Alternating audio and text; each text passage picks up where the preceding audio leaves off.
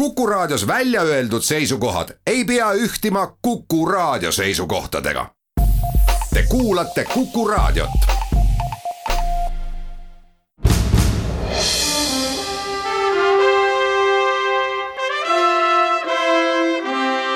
vahetund Postimehega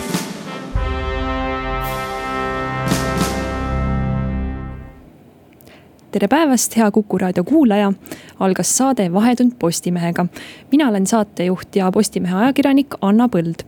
tänases saates tõmbame joone alla lõppenud riigikogu kevadhooajale ning mõtestame kohalike valimiste eel käima läinud maksudebatti saate lõpus räägime leketest Suurbritannia riigiasutustest ehk salajastest dokumentidest, mis leiti kohalikust bussijaamast ning ministri jäädvustamisest salakaameraga aga saadet alustame värske vaktsiiniskandaaliga, mis on kõikuma pannud ka ministritooli.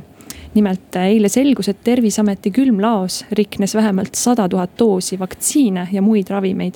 sealhulgas ka annetamiseks mõeldud AstraZeneca vaktsiinidoosid ja tere tulemast saatesse Postimehe ajakirjanik, koroona teemadel pandeemia algusest peale kätt pulsil hoidnud Loora-Elisabeth Lomp, tere. tere tänaseks teame, et äh, võidupüha ja jaanipäeva ajal, kui kedagi tööl ei olnud, äh, juhtus midagi ladude temperatuuri hoidvate seadmete ja signalisatsioonidega ning äh, laod läksid lubamatult soojaks. tegemist on siis terviseameti hoones asuvate külmladudega, kus hoitakse vaktsiine ja ravimeid. kui palju me juhtunu tagamaadest tänaseks teame ning kui palju oli seal sellist inimlikku eksitust no ütleme niimoodi, et inimliku eksikutuse kohta öeldi kohe, et äh, see ei ole väga võimalik. et äh, kuna kedagi siis tööl ei olnud ja kõik on äh, automatiseeritud, ehk siis ähm, noh, seal on mitu ruumi külmaruumid ja siis kahes nendes tekkisid tõrked. ja tõrked siis tulid niimoodi, et kui nad vaatasid üle Eh, noh, siis kui kahekümne viienda hommikul tuli inimene tööle, nägi, et oh-oo, asi on nüüd väga-väga hull, et meil tõusis viieteistkümne kraadini soojus siin sees. ja et nüüd noh, teatas siis koheselt ja toodi tehnik kohale, vaadati üle siis andmed, et kahekümne teise juuni, kusjuures see on ju meie poolik tööpäev hommikul mitte midagi halba ei olnud juhtunud, aga kahekümne teise õhtul hakkas juba temperatuur tõusma ja kahekümne viienda hommikuni oli see siis viieteistkümne kraadi juures. siis lahendati see probleem ära. ja siis samal päeval hakkas uuesti tõusma siis äh, noh, veel ühes äh, külma siis ruumis. selle noh, selle kõige juures on lihtsalt see, et äh, on erinevad teavitussüsteemid.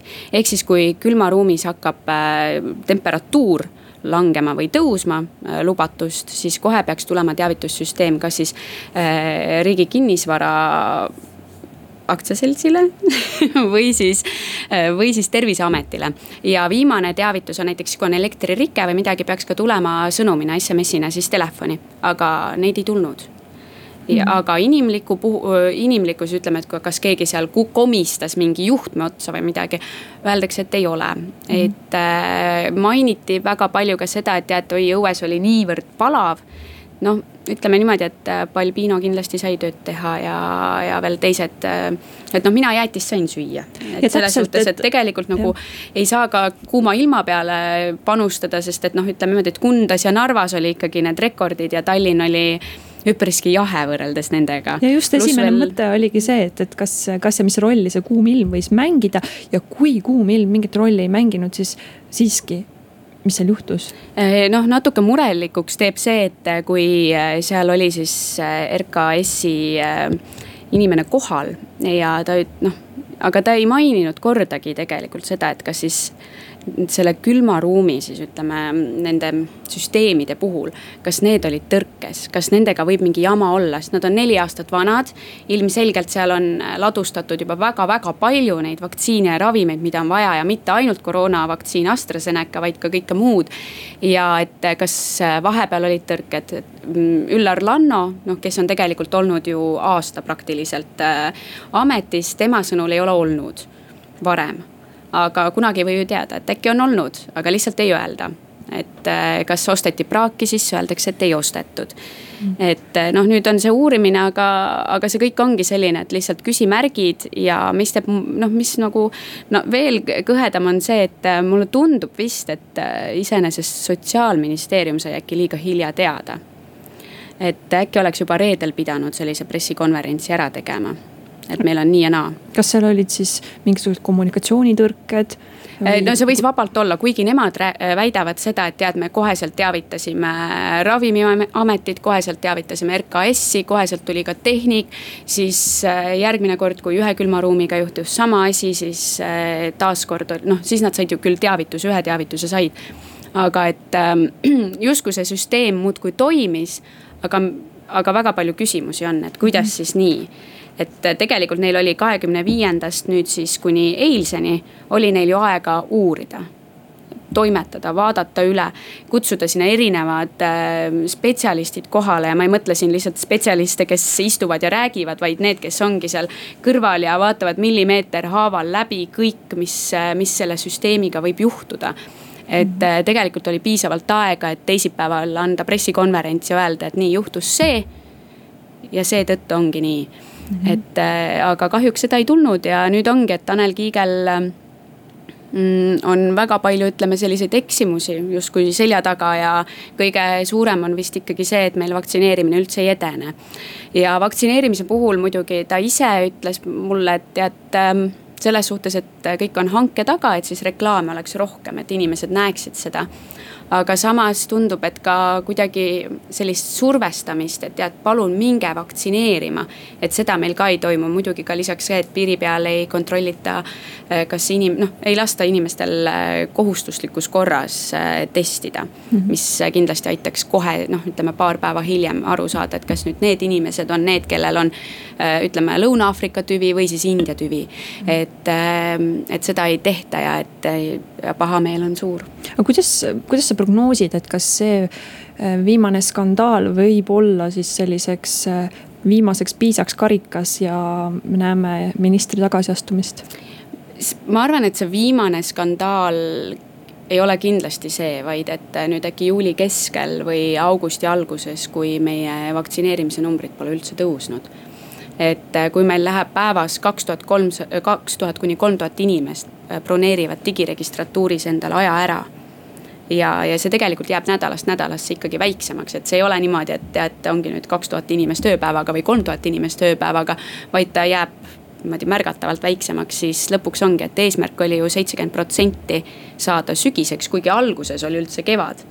et ja suvi ja nüüd siis on sügis.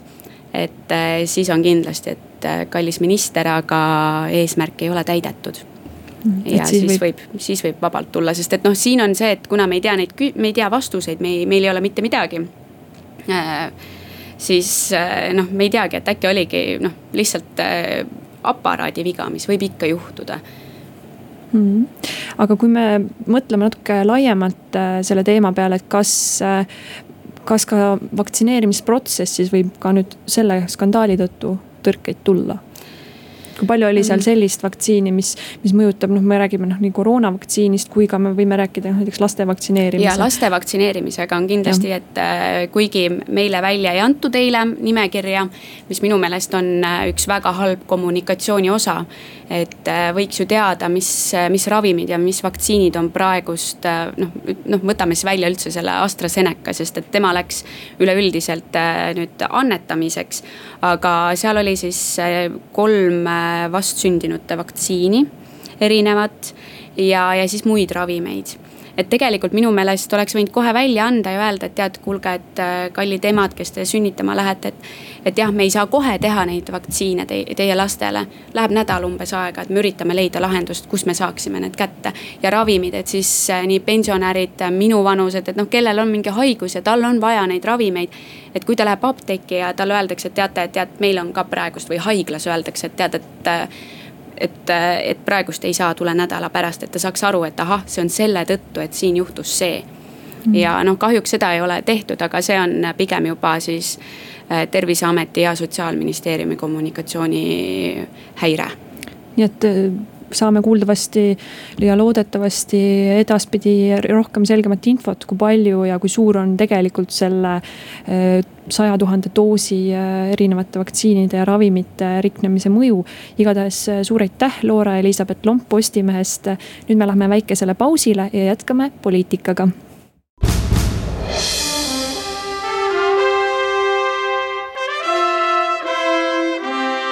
vahetund Postimehega.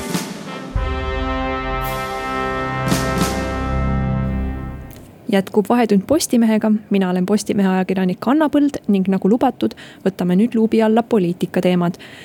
minu saatekülaliseks on äh, ajakirjanik Aimar Altossar, tervist. tere päevast tänasest äh, Postimehest saab lugeda ülevaadet lõppenud riigikogu kevadisest hooajast. näiteks on siis välja toodud tublid äh, kohalkäijad, sõnavõtjad, aga ka suurimad puudujad võib öelda, et rahvasaadikud läksid suvepausile suure kära ja väheste unetundidega, et mäletatavasti toimus ju veel kolmapäeval enne siis jaaninädalat ööistung, millele tuli otsa neljapäevane istung. ja üleüldse juunikuus meil oli ju kaks sellist suuremat ööistungit, pluss siis juuni keskel nädalavahetusel kaks täiendavat istungit. ja huvitav fakt on see, et maksumaksjale läks see maksma vähemalt kakskümmend kuus tuhat kaheksasada eurot.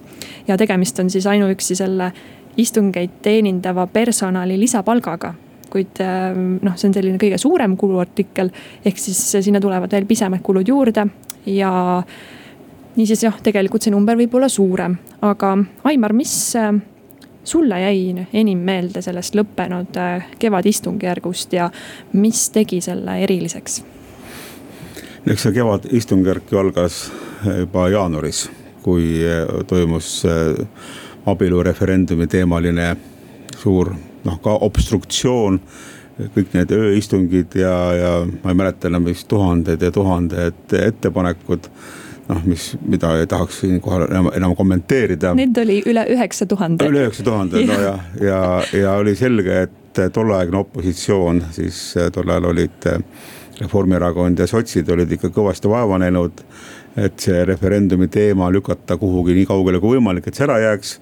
Ja tegelikult neil see õnnestus, neil õnnestus seeläbi, et äh, valitsusel tekkisid muud probleemid. ja valitsus astus tagasi ja nüüd on meil jaanuaris siis uus valitsus ja nüüd selle kevadistungjärgi siis teine ots ehk siis nüüd see tagumine, millal ta lõppes, lõppes taas obstruktsiooniga nüüd siis juba eh, need erakonnad, kes olid varem koalitsioonis, olid nüüd opositsioonis ja kasutasid sedasama relva. ööistungeid, et eh, noh, neid sadu, seekord vist muudatusettepanekuid ja vaheaegade võtmist, et lükata edasi seda, mis see seadus nüüd oligi isegi isikuandmete seadust, et. ehk see ABIS, mida me teame lühendina. jah, abi abis. jah, abi, abiseadust, et mida siis nii-öelda politseinikud ja, ja õiguskaitseorganid väga ootasid. seda seadust, aga mida siis opositsioon ei tahtnud kuidagi läbi lasta nii et sa võiks, võiks öelda, et viigis, aga võib-olla viiki ei saa selles mõttes välja kuulutada opositsiooni, koalitsiooni vahel, et kui talvel valitsus kukkus, siis praegu jäi valitsus püsima mm. -hmm. huvitav oli ka see, et kui ähm, tegin kokkuvõtteid, siis äh, kevadistungjärgust tuli võrdluseks ka võtta ka see sügisistungjärk. ja mis siis see suurim erinevus oli see, et esiteks kaugtöö võimalus, mida sel poolaastal väga ohtralt kasutati, äh, tõi kaasa selle, et äh, istungitel käidi rohkem kohal või tegelikult osaleti siis sai rohkem ja ehk ja teine asi oli see veel, et äh, kevadistungjärgul olid riigikogu liikmed väga aktiivsed sõnavõtjad. Et kui näiteks sügisel võttis üks saadik keskmiselt sõna kakskümmend kaks korda, siis äh, nüüd lõppenud kevadistungjärgul oli keskmiseks numbriks äh, kuuskümmend üks ehk siis kolm korda rohkem. ja tõsi, keskmist seda näitajat kergitasid EKRE liikmed Kalle Grünthal ja Peeter Ernits, kes olid siis kahe kõige aktiivsema sõnavõtja seas aga Aimar, kui vaatame neid aktiivseid sõnavõtjaid ja sõnavõtte, siis kui palju oli nendes sisu? No pean tunnistama, et mina ei ole neid sõnavõtte kõike kuulanud ja, ja noh, episoodiliselt neid kuulates või ka lugedes. mulle tundub, et väga suur osa nendest on olnud siis mitte nii-öelda sõnavõtud sisu mõttes, vaid on olnudki nii-öelda protseduurilised küsimused ja sellest me oleme ka kuulnud, et võimalus esitada protseduuriline küsimus väljaspoolt, väljaspool nii-öelda seda registreeritud sõnavõttude järjekorda. et seda võimalust on hästi ohtralt kasutatud ehk siis me võiksimegi öelda, et need ei olegi olnud sõnavõtud, vaid protseduurilised küsimused, kuigi me saame aru, et on püütud siis nendesse protseduurilistesse küsimustesse panna sisse mingi muu sõnum. Aga mulle tundub, et ka see muu sõnum ei ole mitte võib-olla mingi seaduse noh, sisuline arutelu vaid noh, mis on minu arvates olnud väga ebameeldiv, et on püütud pigem nagu näägutada inimest, kes siis parasjagu seal puldis äh, oma noh, seaduseelnõud kaitseb või aru annab mm,. kui ma ei eksi, siis Hanno Pevkur ütles seda, et kui ta juhatas riigikogu istungit ja tal tuli äh, siis protseduurilise küsimuse soov, noh protseduuriline küsimus ise tegelikult on selline küsimus, mis on, peaks olema seotud konkreetselt istungi läbiviimise korra kohta ja, ja korraga no, seotud. et, et siis ta ütleski sellise väga huvitava mõtte, et tema ju ei tea, mis toimub küsija peas. et tema ei tea, et hakatakse näiteks Orwelli tsiteerima või, või tõesti mingisuguseid oma hinnanguid andma olukorrale no tõepoolest, seda ei saa nüüd otseselt ju keegi teada, mis teise inimese peas on, kui inimene tõstab käe püsti ja vajutab nupule, tahab rääkida. aga kui, kui nüüd see toimub teatud sarjana, no siis võiks tekkida teatud kahtlus, et võiks ikkagi äh, muret tunda, et võib-olla see istungi aeg venib ja võib-olla inimesed elavad lihtsalt ennast välja. Äh, ja, ja koosoleku või antud riigikogu juhatusel on nagu peaks olema võimalus siin midagi teha, kas siis äh, võtta, võtta siis mikrofoni äh, ära, mikrofon vaikseks või siis teha märkuseid. sest et, äh, et mis siis tegelikult sellise, sellise lõputu protseduuriliste küsimuste üle antimisel ja esinejate näägutamisel juhtub. minu arvates see riigikogu autoriteet kui seadusandja autoriteet langeb ju veelgi me ju teame, et meil on Eestis probleem, et poliitilised erakonnad ja poliitika tegemine üldse, sealhulgas ka riigikogu. ei ole väga kõrges äh, hinnas või neid äh, ei väärtustata, sest et tõepoolest nähakse, et poliitik tähendab on see, kes teeb pulli ja ütleb teisele inimese inetusi. et äh, peaks nagu sellest püüdma välja tulla ja ma arvan, igal poliitikul, igal inimesel, kes on riigikogus, on vastutus selle eest kuidas me üksteisesse suhtume, kuivõrd terve on meie ühiskonna vaim ja see on kokkuvõttes ju meile kõigile, kõigi, kõigi elukvaliteedi küsimus. aga kui need inimesed, kes on noh, hea koha, hea eh, sooja koha peal, saavad head palka eh, kellel on suur vastutus, selle eest me ju neile maksamegi, kasutavad seda enda väljaelamiseks siis on asi natuke halvasti. sest et kui on vaja midagi öelda, no poolest, ega mina ei arva ka, et need, kes esinevad riigikogu puldis, kaasa arvatud peaminister. oleksid ära teeninud ainult aplausi või kiidusõnad, neil on, neil oleks palju küsida ja nendel ole, nendelt peakski nagu ka väga teravaid küsimusi esitama, et nad saaksid vastata. aga, aga näägutamine ei ole kindlasti see, mis annaks mingit sellist tulemust jah, see näägutaja elab ennast välja, saab võib-olla punktid, saab jälle viis sekundit tähelepanu. aga kas meie elu muutus sellest paremaks või halvemaks, ma arvan, et halvemaks. no kui palju on sellist äh, sisulist juttu ikkagi äh, riigikogus, et kuidas, kuidas sulle nende noh, võrdes võrdluseks võib-olla mingi kümne aasta periood, et, et, et, et kus kohas praegu meie see sisuline arutelu riigikogus on, et kas ta on sellisel hea poolel äh, asjalike mm, tähelepanekute juures või, või on ikkagi läinud selliseks meelelahutuseks ära?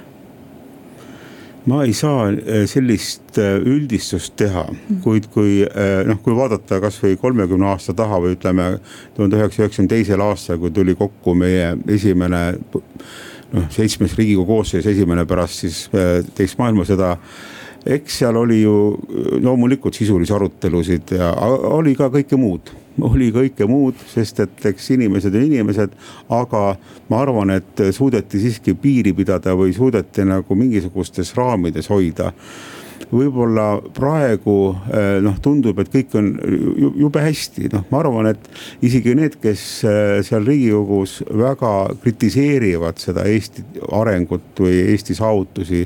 isegi need tegelikult on ju noh, oma sellises käitumises annavad mõista, et kõik on tegelikult ju väga hästi, ma võin siin rääkida mida tahes sõimata keda tahes, midagi ei juhtu, meil on juba kõik hästi.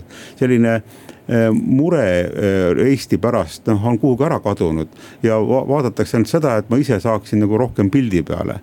Et ma arvan, et see erinevus varasemates aegades tulebki nagu sellega seoses, et varem tehti ka noh, ütleme selliseid asju, kus noh, mis solvasid kedagi ja noh, me mäletame need riigikogu esimehe nimel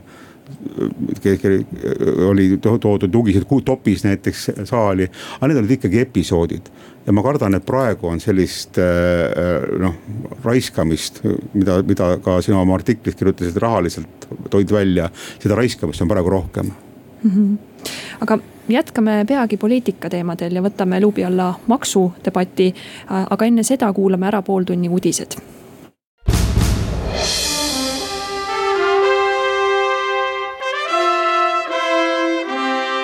vahetund Postimehega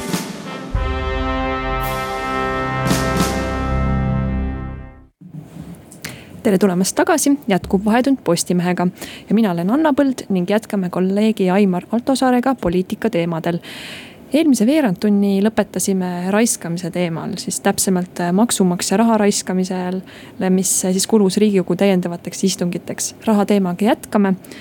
Nimelt on siis rahandusminister Keit Pentus-Rosimannus teinud ettepaneku ära kaotada riiklik tulumaks ja asendada see siis kohalike omavalitsuste kassasse laekuva Mm, tulumaksuga, kolmteist, mis oli siis kolmteist kuni viisteist protsenti. kuidas see idee kohalike valimistel tundub ja mis on selle kitsaskohad?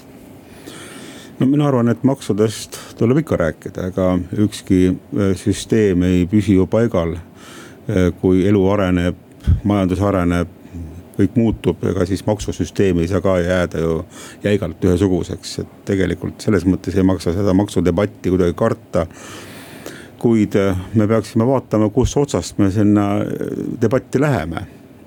et äh, praegu mulle tundub, et hõigatakse ühelt poolt ja teiselt poolt nii-öelda maksuloosungeid.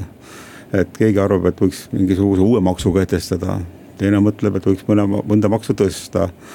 Kolmas arvab, et võiks mõne maksu ära kaotada või mujale suunata noh, tore on, aga, aga me ei saa ju aru, me ei tea tausta, mis siis muutub tegelikult. kui me ütleme, et midagi tuleks nagu ära jätta, nagu rahandusministri ettepanekul eh, tulumaks, üksikisiku tulumaks ja siis noh, sellest siis suurem osa suunata, mis on, jääb alles eh, kohalikule omavalitsusele.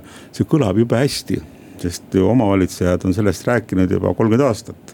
Et maksubaas on vilets, nad ei saa midagi teha ja raha vähe aga me esiteks peaksime sel juhul teadma, mis siis riigieelarvelistest kulutustest ära jääb. et kui ikkagi nii suur tükk sealt ära võetakse, me peame teadma, mille, kus riik koormale tõmbab.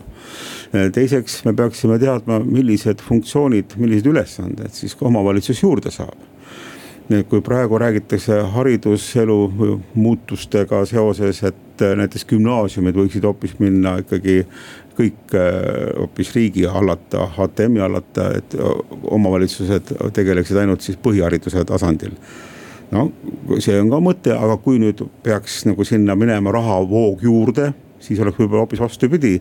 et ka riigigümnaasiumid, mis praegu on nagu riigi omad, võiksid minna hoopis omavalitsuste kätte. Igatahes ma ei tea, mina, minul ei ole kahjuks andmeid, eh, mida eh, noh, selle maksu ümbersuunamisega tahetakse taotleda ja, ja üldse, et eh, kui vaadata, kus siis nagu king pigistab no minu arvates on ka see mõte, mida on välja ütelnud töö, töö ja sotsiaalminister Tanel Kiik ja mida on pea, vabandust nüüd riigikogu esimees Ratas korranud. et sotsiaalkindlustusmaks või sotsiaalhooldusmaks, vabandust jah jah, me saame aru eesmärgist, et, et inimesed, kes, me saame kõik vanaks ja meil on lähedased vanad inimesed ja me tunneme muret, et nende elu oleks võimalikult väärikalt korraldatud. ja me näeme, et seal napib vahendeid, napib jõudu, napib äh, ka tööjõudu, kes aitaks seda teha aga kas selleks peab tingimata maksu tegema? Et, et mina, mina olen ka seda meelt, et mida on ka paljud öelnud siin majanduse asjatundjad, et kas peab siis igaks tegevuseks tegema uue maksu? Võib-olla on ikkagi mõistlik ikkagi seda riigieelarvet ja riigi investeeringuid ja riigi kulutusi noh, ikka tervikuna vaadata, et kas me peame tingimata maksu tegema, ei tea. aga, aga enne seda kõike me peaksime vaatama nii seda sotsiaalhoolet kui ka siis tervis, meditsiiniteenindust seal ju kipub ka äh, peenike pihku tulema.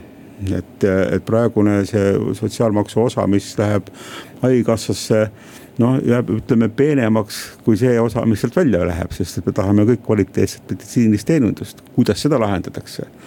Need on olulised asjad, me peame rääkima, aga, aga võib-olla nagu sellest otsast, et mida meil vaja on ja kui palju me oleme valmis nagu selleks siis ka siis edaspidi noh, juurde maksma, kui vaja, aga, aga, aga me peame saama teadma, teadma põhjendusi. Mm, juurde maksma või millestki või loobuma. millestki, või millestki loobuma, täpselt jah, ega kõik ei jõuagi. aga, aga praegu kuidagi nende maksuloosungitega noh, tundub, et püütakse tähelepanu saavutada, aga teine ots jäetakse nagu lahtiseks, et mis siis mujal keskkonnas juhtub, kui see maks kehtestatakse või ära kaotatakse. Mm. ja märgiline on muidugi see, et, et me ju oleme praegu ju suvel naudime ilusat ilma ja samas me ju teame seda, et kui aktiivselt erakonnad valmistuvad kohalikeks valimisteks, mis on juba sügisel ja sealt edasi ka riigikogu valimisteks.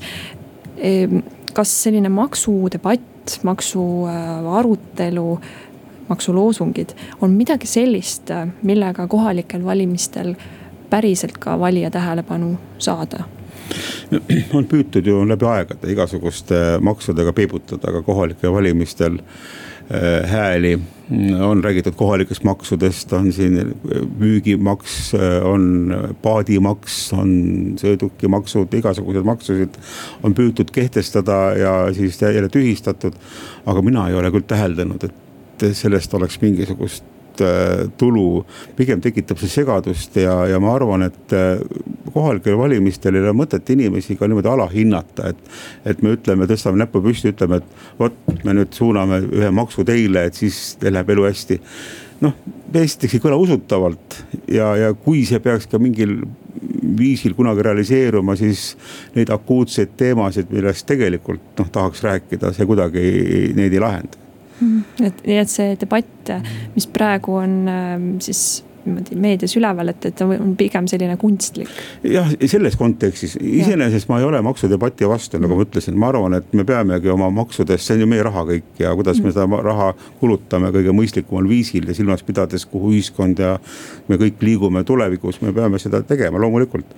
Aga nüüd seda nüüd kasutada nii-öelda peenrahana eh, kohalike valimiste peibutusloosungitena eh, vist ei ole mõistlik, see jälle noh, vähendab poliitikute usaldusväärsust ja, ja noh, nagu ei aita meid, et me nagu ühiskonnana paremini hakkama saaksime, vaid meil tekib umbusk pigem või otsime siis lahendusi võib-olla mujalt mm. -hmm. aga kuidas sulle tundub, et millest päriselt hakatakse kohalike valimistel rääkima, mis teemad meil võivad veel üles kerkida? no kindlasti haldusreformi noh järelmid või tulemused või nagu mul, mulle meeldib professor Ülo Vooglaidu tsiteerida, et kas me saime nüüd tulemused või tulid hoopis tagajärjed et, et oli plaanis, et noh, suured omavalitsused, tuleb selline kvaliteetsem avalik teenus no võib-olla mõnel kohal, kohal, oli, kindlasti oligi, kindlasti oli ka neid kohti, ma ei arva, et võib-olla kindlasti oligi, aga kindlasti olid ka noh, selliseid omavalitsusi, mis võib-olla noh, ütleme ela, elavad vaevu-vaevu selle reformi tagajärgi üle, eks ole, et. ma arvan, et need, see on üks suur teema, millest räägitakse näiteks ka selles kontekstis, et väiksed maakoolid, millele anti ju siis seoses selle haldusreformi väljakuulutamisega neli aastat kuni järgmiste valimisteni, mis nüüd on pikendust, et võivad kesti-, võivad veel kesta aga ma kardan, et väga paljude väikeste maakoolide kohal on praegu nüüd täiesti tõsiselt oht, et äh, nad likvideeritakse, et nüüd ei ole enam seda haldusreformi aegset äh, nende toetamise või jätkamise lepet taga. et see on kindlasti üks teema, väiksed maakoolid ja, ja ma arvan, et äh, kui rääkida suurte linnade, eriti Tallinna kontekstis, noh, see on väga valus teema, ma arvan, et keegi poliitikutest ei taha seda esile tõsta, aga me ajakirjanikuna võime. et kellele, kui kalliks läheb meile tasuta ühistransport noh, see on tegelikult, äh, me saame aru, ühe poliitilise erakonna suur valimislubadus, mida on siis rakendatud Tallinnas ja siis ka laiendatud mujal. Võib-olla Tallinnas ta mingil määral õigustab, ma ei oska seda öelda, aga üle Eesti on see tekitanud ikka väga palju probleeme. ja, ja ka see on kindlasti üks teema. saame kuulda-näha ja igatahes suur aitäh Postimehe ajakirjanik Aimar Altosaar saatesse tulemast, rääkimast. teeme nüüd väikese pausi ja jätkame peagi välispoliitiliste skandaalidega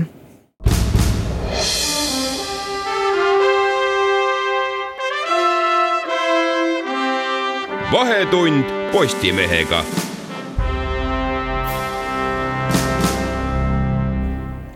jätkub saade Vahetund Postimehega ning saate viimases veerandis räägime leketest Suurbritannia riigiasutustest. saatekülaliseks on Postimehe välisuudiste toimetuse juht Evelin Kaldoja, tere. tere. Läinud nädala lõpus leiti Suurbritannias ühest bussipeatusest salajased dokumendid BBC teatas, et tegemist on dokumentidega, mis sisaldasid üksikasju Suurbritannia sõjalaeva kohta. ja ka teame seda, et äh, Suurbritannia kaitseministeerium alustas ametkondlikku uurimist. ning tegelikult väga palju rohkem sellest juhtumist kuulda polegi olnud. et Evelin, kui palju me tegelikult tänaseks äh, sellest juhtunust teame, mis on need värskeimad infokillud? no juhtumist on teada nii palju, et äh, see vaibus ära üsna ruttu pärast nädalavahetust. Äh, viimased teated, mis olid, olid siis see, et äh, ei ole vist põhjust kahtlustada spiooni, vaid see oli lihtsalt üks ametnik, kes unustas omal kotil luku kinni tõmmata nii absurdne, kui see ka ei oleks. ja tundub äh, nende infokildude põhjal, mis äh, meediasse on lekkinud, et tegu oli selliste töömemodega, mis kirjeldasid tõesti, ütleme ikkagi nagu. seal oli äh, nende memode nurgale oli kirjutatud, et ainult Ühendkuningriigi julgeoleku, julgeolekuasutustele Need olid memod, mis kirjeldasid parajasti käesolevaid äh, küsimusi ja mis on väga põnevad, sest tõesti, nagu sa ütlesid, äh, sõjalaev, see on siis HMS äh, Defender, mis möödus Krimmist väga lähedalt. ja venelaste väitel siis nende, nende laevad omakorda tulistasid lausa selle laeva ette hoiatuslaske ja brittide väitel hoiatuslaske ei olnud, aga tõesti nad vaatasid nii-öelda silmast silma üksteisele seal otsa ja siis selles paberites oli kirjeldatud ära brittide kalkulatsioonid selle küsimuses, et kas tasuks minna sealt Krimmi lähedalt või mitte. kas me oleme argpüksid ja jookseme ära, sest noh, me kõik, ka Eesti sealhulgas tunnistab seda, et Krimm on Ukraina territoorium, ehk siis Venemaal ei ole mingit õigust seal nendes vetes toimetada mm. -hmm. De facto on asjad muidugi teistmoodi, mis tähendab seda, et ka Venemaal omakorda on huvi seal ennast kehtestada ja näidata, et nemad seal on. ja kogu see kalkula-, kalkuleerimine, mis lõppes siis sellega, et las laev läheb sealt läbi, oli siis nende paberitel mustvalges olemas, samuti oli seal teine huvitav teema Afganistan, Afganistanist lahkumine. tuli välja infokild, et Ameerika Ühendriigid on palunud, et äh, britid jätaksid oma eriväelased edasi Afganistani. samuti äh, analüüs, mida on äh, nüüd võib-olla ka osaliselt selle dokumendi mõjul järjest rohkem meediasse tulnud, et äh, praegu on seal olukord läinud halvemaks, aga varsti on kodusõda. põhimõtteliselt mm. ja nagu sellised väga, väga teravad, liitlasi puudutavad, erinevaid riike puudutavad teemad. aga jah, praegune, praegune seisukoht on vist see, et, et see nagu see oli tõesti nagu Margus Hansoni portfell. et, mhm. et seal ei olnud mingit spionaaži, aga, aga, aga vaadates, kuidas see brittide üldine kontekst on, et nad on olnud ju Vene keemiarünnaku ohvrid Salisbury's äh, nende enda kultuur, selline ütleme ka meediakultuur on äh, väga tugevalt see, et tõepoolest kuulataksegi pealt, ma ei tea, siis kui koroonaaeg algas, siis näiteks juhtus selline asi, et üks Financial Timesi ajakirjanik logis ennast sihilikult sisse, mis oli see väljaanne Independent ühe teise Briti väljaande Zoom'i koosolekule, kus arutati kärpeid ja lihtsalt istus seal nagu siukse anonüümselt. et noh, see tuli kõik välja, et see on nagu noh, samamoodi, et seal on ju pealt kuulatud, tabloidlehed on pealt kuulanud tuntud inimesi. see nagu jõulisus, mida võib-olla Eestis ei ajakirjanikud ei mõtleks nii jõuliselt kunagi peale lennata ja ma arvan, et ka meie avalikkus ei taluks seda, kui nii pealetükkivalt asju aetakse, siis see on seal hoopis teise kraadiga, samuti on ju lisaks tavapärasele spionaažile on olemas ka see, et äh, sihilikult lekitatakse, mõnikord mm. nagu noh, on naljad selle üle, et dokumendid jäid lifti mm.. noh, keegi jättis nad lifti, kus ta siis ütles inimesele, et võta sealt need dokumendid, et mina ei tea midagi, et noh, et. et see sihiliku lekitamise kultuur on seal samuti palju jõulisem, et, et selle ümber on palju sellist äh, uurimisi ja küsimisi praegu veel ja ma saan aru, et konkreetselt selle juhtumi põhjal tegelikult praegu ju veel käib see asjaolude väljaselgitamine, et kes, miks, mis on need, mis on see laiem kahju või võimalik selline.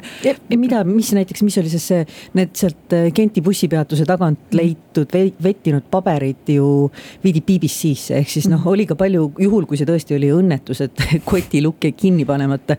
siis äh, ütleme õnnel, see ei olnud õnnelik õnnetus, sest et inimene, need paberid oleks võinud lihtsalt ka prügikastis siis lõpetada ja mitte midagi ei oleks juhtunud, aga paraku inimene, kes need leidis, siis otsustas, et kõige parem on viia nad BBC kätte ja sealt on seal juba.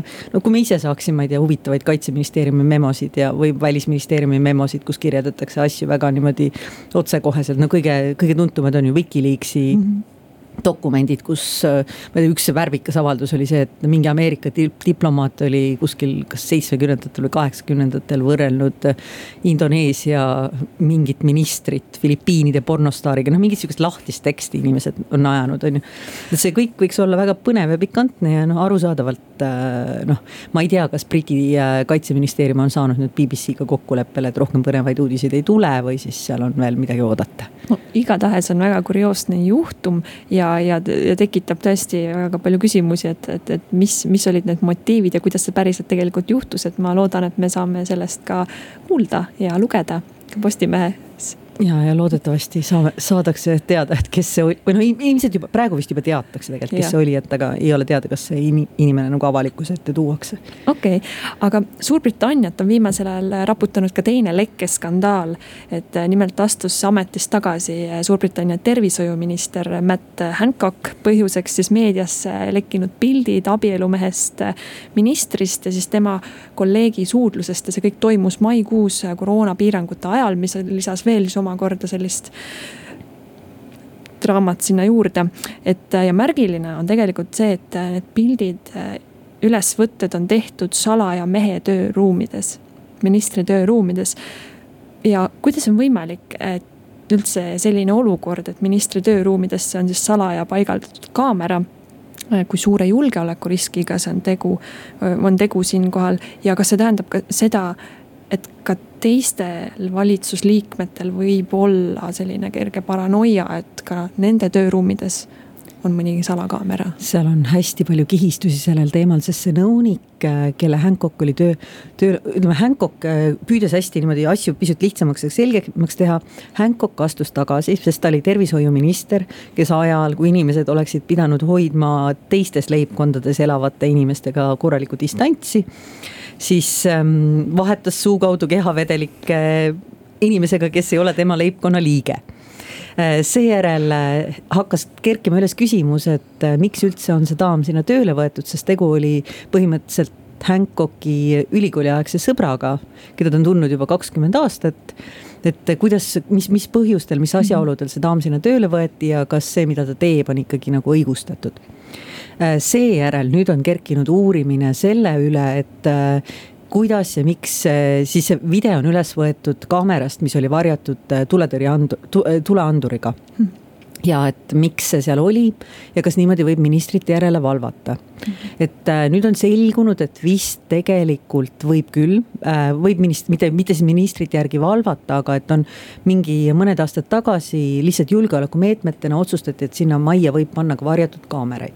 aga mm -hmm. see varjatud kaamera, millega on siis tehtud see pikantne ülevõte, ülesvõte, see olnuk, tulnuks, pidanuks olema suunatud teises suunas ehk rõdule, selle mm, -hmm. selle maja rõdule. ehk siis on küsimus, kas keegi võis kaamerat ise nagu niimoodi liigutada sinna koopiamasina poole nurka enam-vähem. et, mhm. et, et on selles küsimus ja viimane väide on see, et tegelikult selle lekitaja, sest kuna on ikkagi elektrooniline jälg, et kes läks valvekaamerate süsteemi, et selle lekitaja ülesleidmine on kümne minuti küsimus. nüüd on siis äh, küsimus, et kui ruttu siis see kümme minutit möödub ja tuleb välja, et, et kes see inimene oli ja siis omakorda kerkivad küsimused, et miks seda tehti kas taheti Hancockist lahti saada, oli seal mingisugune ametnike omavaheline. tundub, et noh, selle lekkesaatja vaen oli suunatud ennekõike Hancocki vastu mm. -hmm. et, et, et kes, kelle moti-, kelle motivatsioon see oli ja ilmselgelt see inimene siiski ei tegutsenud päriselt seaduse piirest, isegi kui see turvakaamerate panemine oli õigustatud, ei olnud mm -hmm. ilmselgelt õigustatud äh, selle nurga filmimine ja ei olnud õigustatud, äh, veel vähem oli turvakaamerate videot salapäraselt meediasse saatmine, kuigi jah Hancock rikkus ka reegleid, mida ta ise tervishoiuministrina propageeris, et noh, et abielu rikkumine ei ole seadusevastane, aga noh, see, eks, eks see on ilmselt nende kahe, kahe mõlema abielus inimese perekondade klaarida ja ab absoluutselt ja tegelikult äh, selle juhtumi põhjal on, äh, noh, ongi hästi suur küsimus see, et kuidas nagu see välja nägi, et keegi nüüd teeb sellise asja, et paneb selle kaamera sinna. et kuidas oli selline asi üldse võimalik, et kui see on keegi, kes seal asutuses ise töötab, et äh, siis pigem mõtleks, et jah, et temale oleks olnud see lihtsam ülesanne kui näiteks kellelegi, kes tuleb väljastpoolt maja ja, ja tahab seal midagi, mingisuguseid eksklusiivseid kaadreid saada tundus, et seal oli muidugi ka võetud väljastpoolt see nii-öelda turvasüsteemide eest oli võetud vastutama väljastpoolt firma, ehk siis seal mm. võis olla ka välistegutsejaid, aga tundus, tundub praegu, et motivatsioon oli kõrgem pigem maja sees, et, et mhm. sellist asja teha, et jõuame tagasi selle jutuni, et brittide nagu sihuke üksteise järele nuhkimise või nuhkimise ja lekitamise kultuur on ikkagi hoopis nagu teistsuguses, teistsuguses tasemes kui meil, et ma arvan, et meil isegi, ma ütlen, et meediaväljaandele tuuakse mingeid teatud asju, siis isegi ma arvan, juba väljaanded ise hakkavad alguses kaaluma, et kas nad tahavad seda kasutada või siis võib-olla oleks ikkagi ilus olla nii-öelda noh, noh näiteks kasvõi needsamad Briti kaitseministeeriumi paberid, mis lekkisid mm, -hmm. et, et kas sa tahad oma riigi julgeoleku huvisid kahtlus, kahjustada või sa tahad saada head lugu, et, et noh, see on tegelikult tunnistagem, et olukorras, kus me elame, et sa peadki mõtlema selle peale.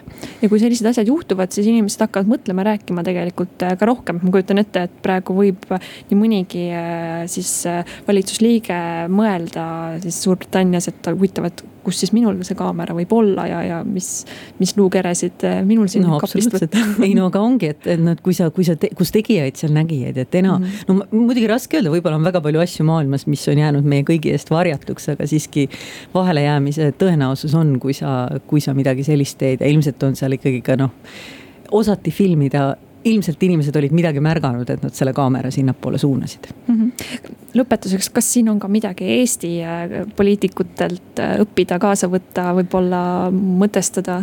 Eesti poli-, nii Eesti poliitikutelt, no ma arvan, et meie, meie ametnikud alati, eks, eks see on nendele jälle meeldetuletus sellest, et äh, kuidas ametnikele ja poliitikutele, et kuidas näiteks riigisalastuse jaoks kehtestatud reeglid, et miks neid vaja on, et mõne dokumendi puhul, et noh, on asjad, mida vaadataksegi ainult majas ja noh, et ja on väga ranged reeglid, neid ei tohi majast välja kaasa võtta mm. -hmm. ja ongi see, et kui sa võtad nagu siuksed, et ah, ma teen kodus õhtul tööd edasi, siis võibki juhtuda selline asi lihtsalt inimlikel asjaoludel, et tean ise ühel sõbral juhtumit, kus tal kadus ära märkmik veidikene oluliste kontaktidega, aga sellega õnneks aastate jooksul ei ole vist juhtunud midagi, et ehk siis see oli sihuke õnnelik õnnetus, et mm. -hmm. et, et, et noh, seda, seda võib lihtsalt juhtuda, et kui sa oled hooletu nii et äh, tasub olla ikkagi igas ametis ettevaatlik, tähelepanelik ja.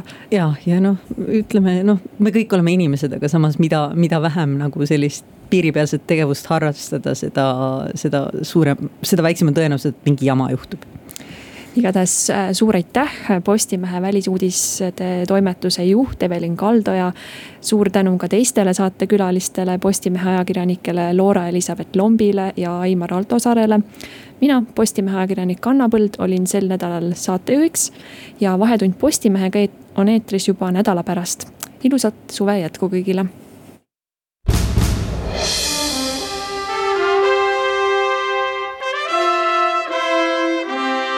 vahetund Postimehega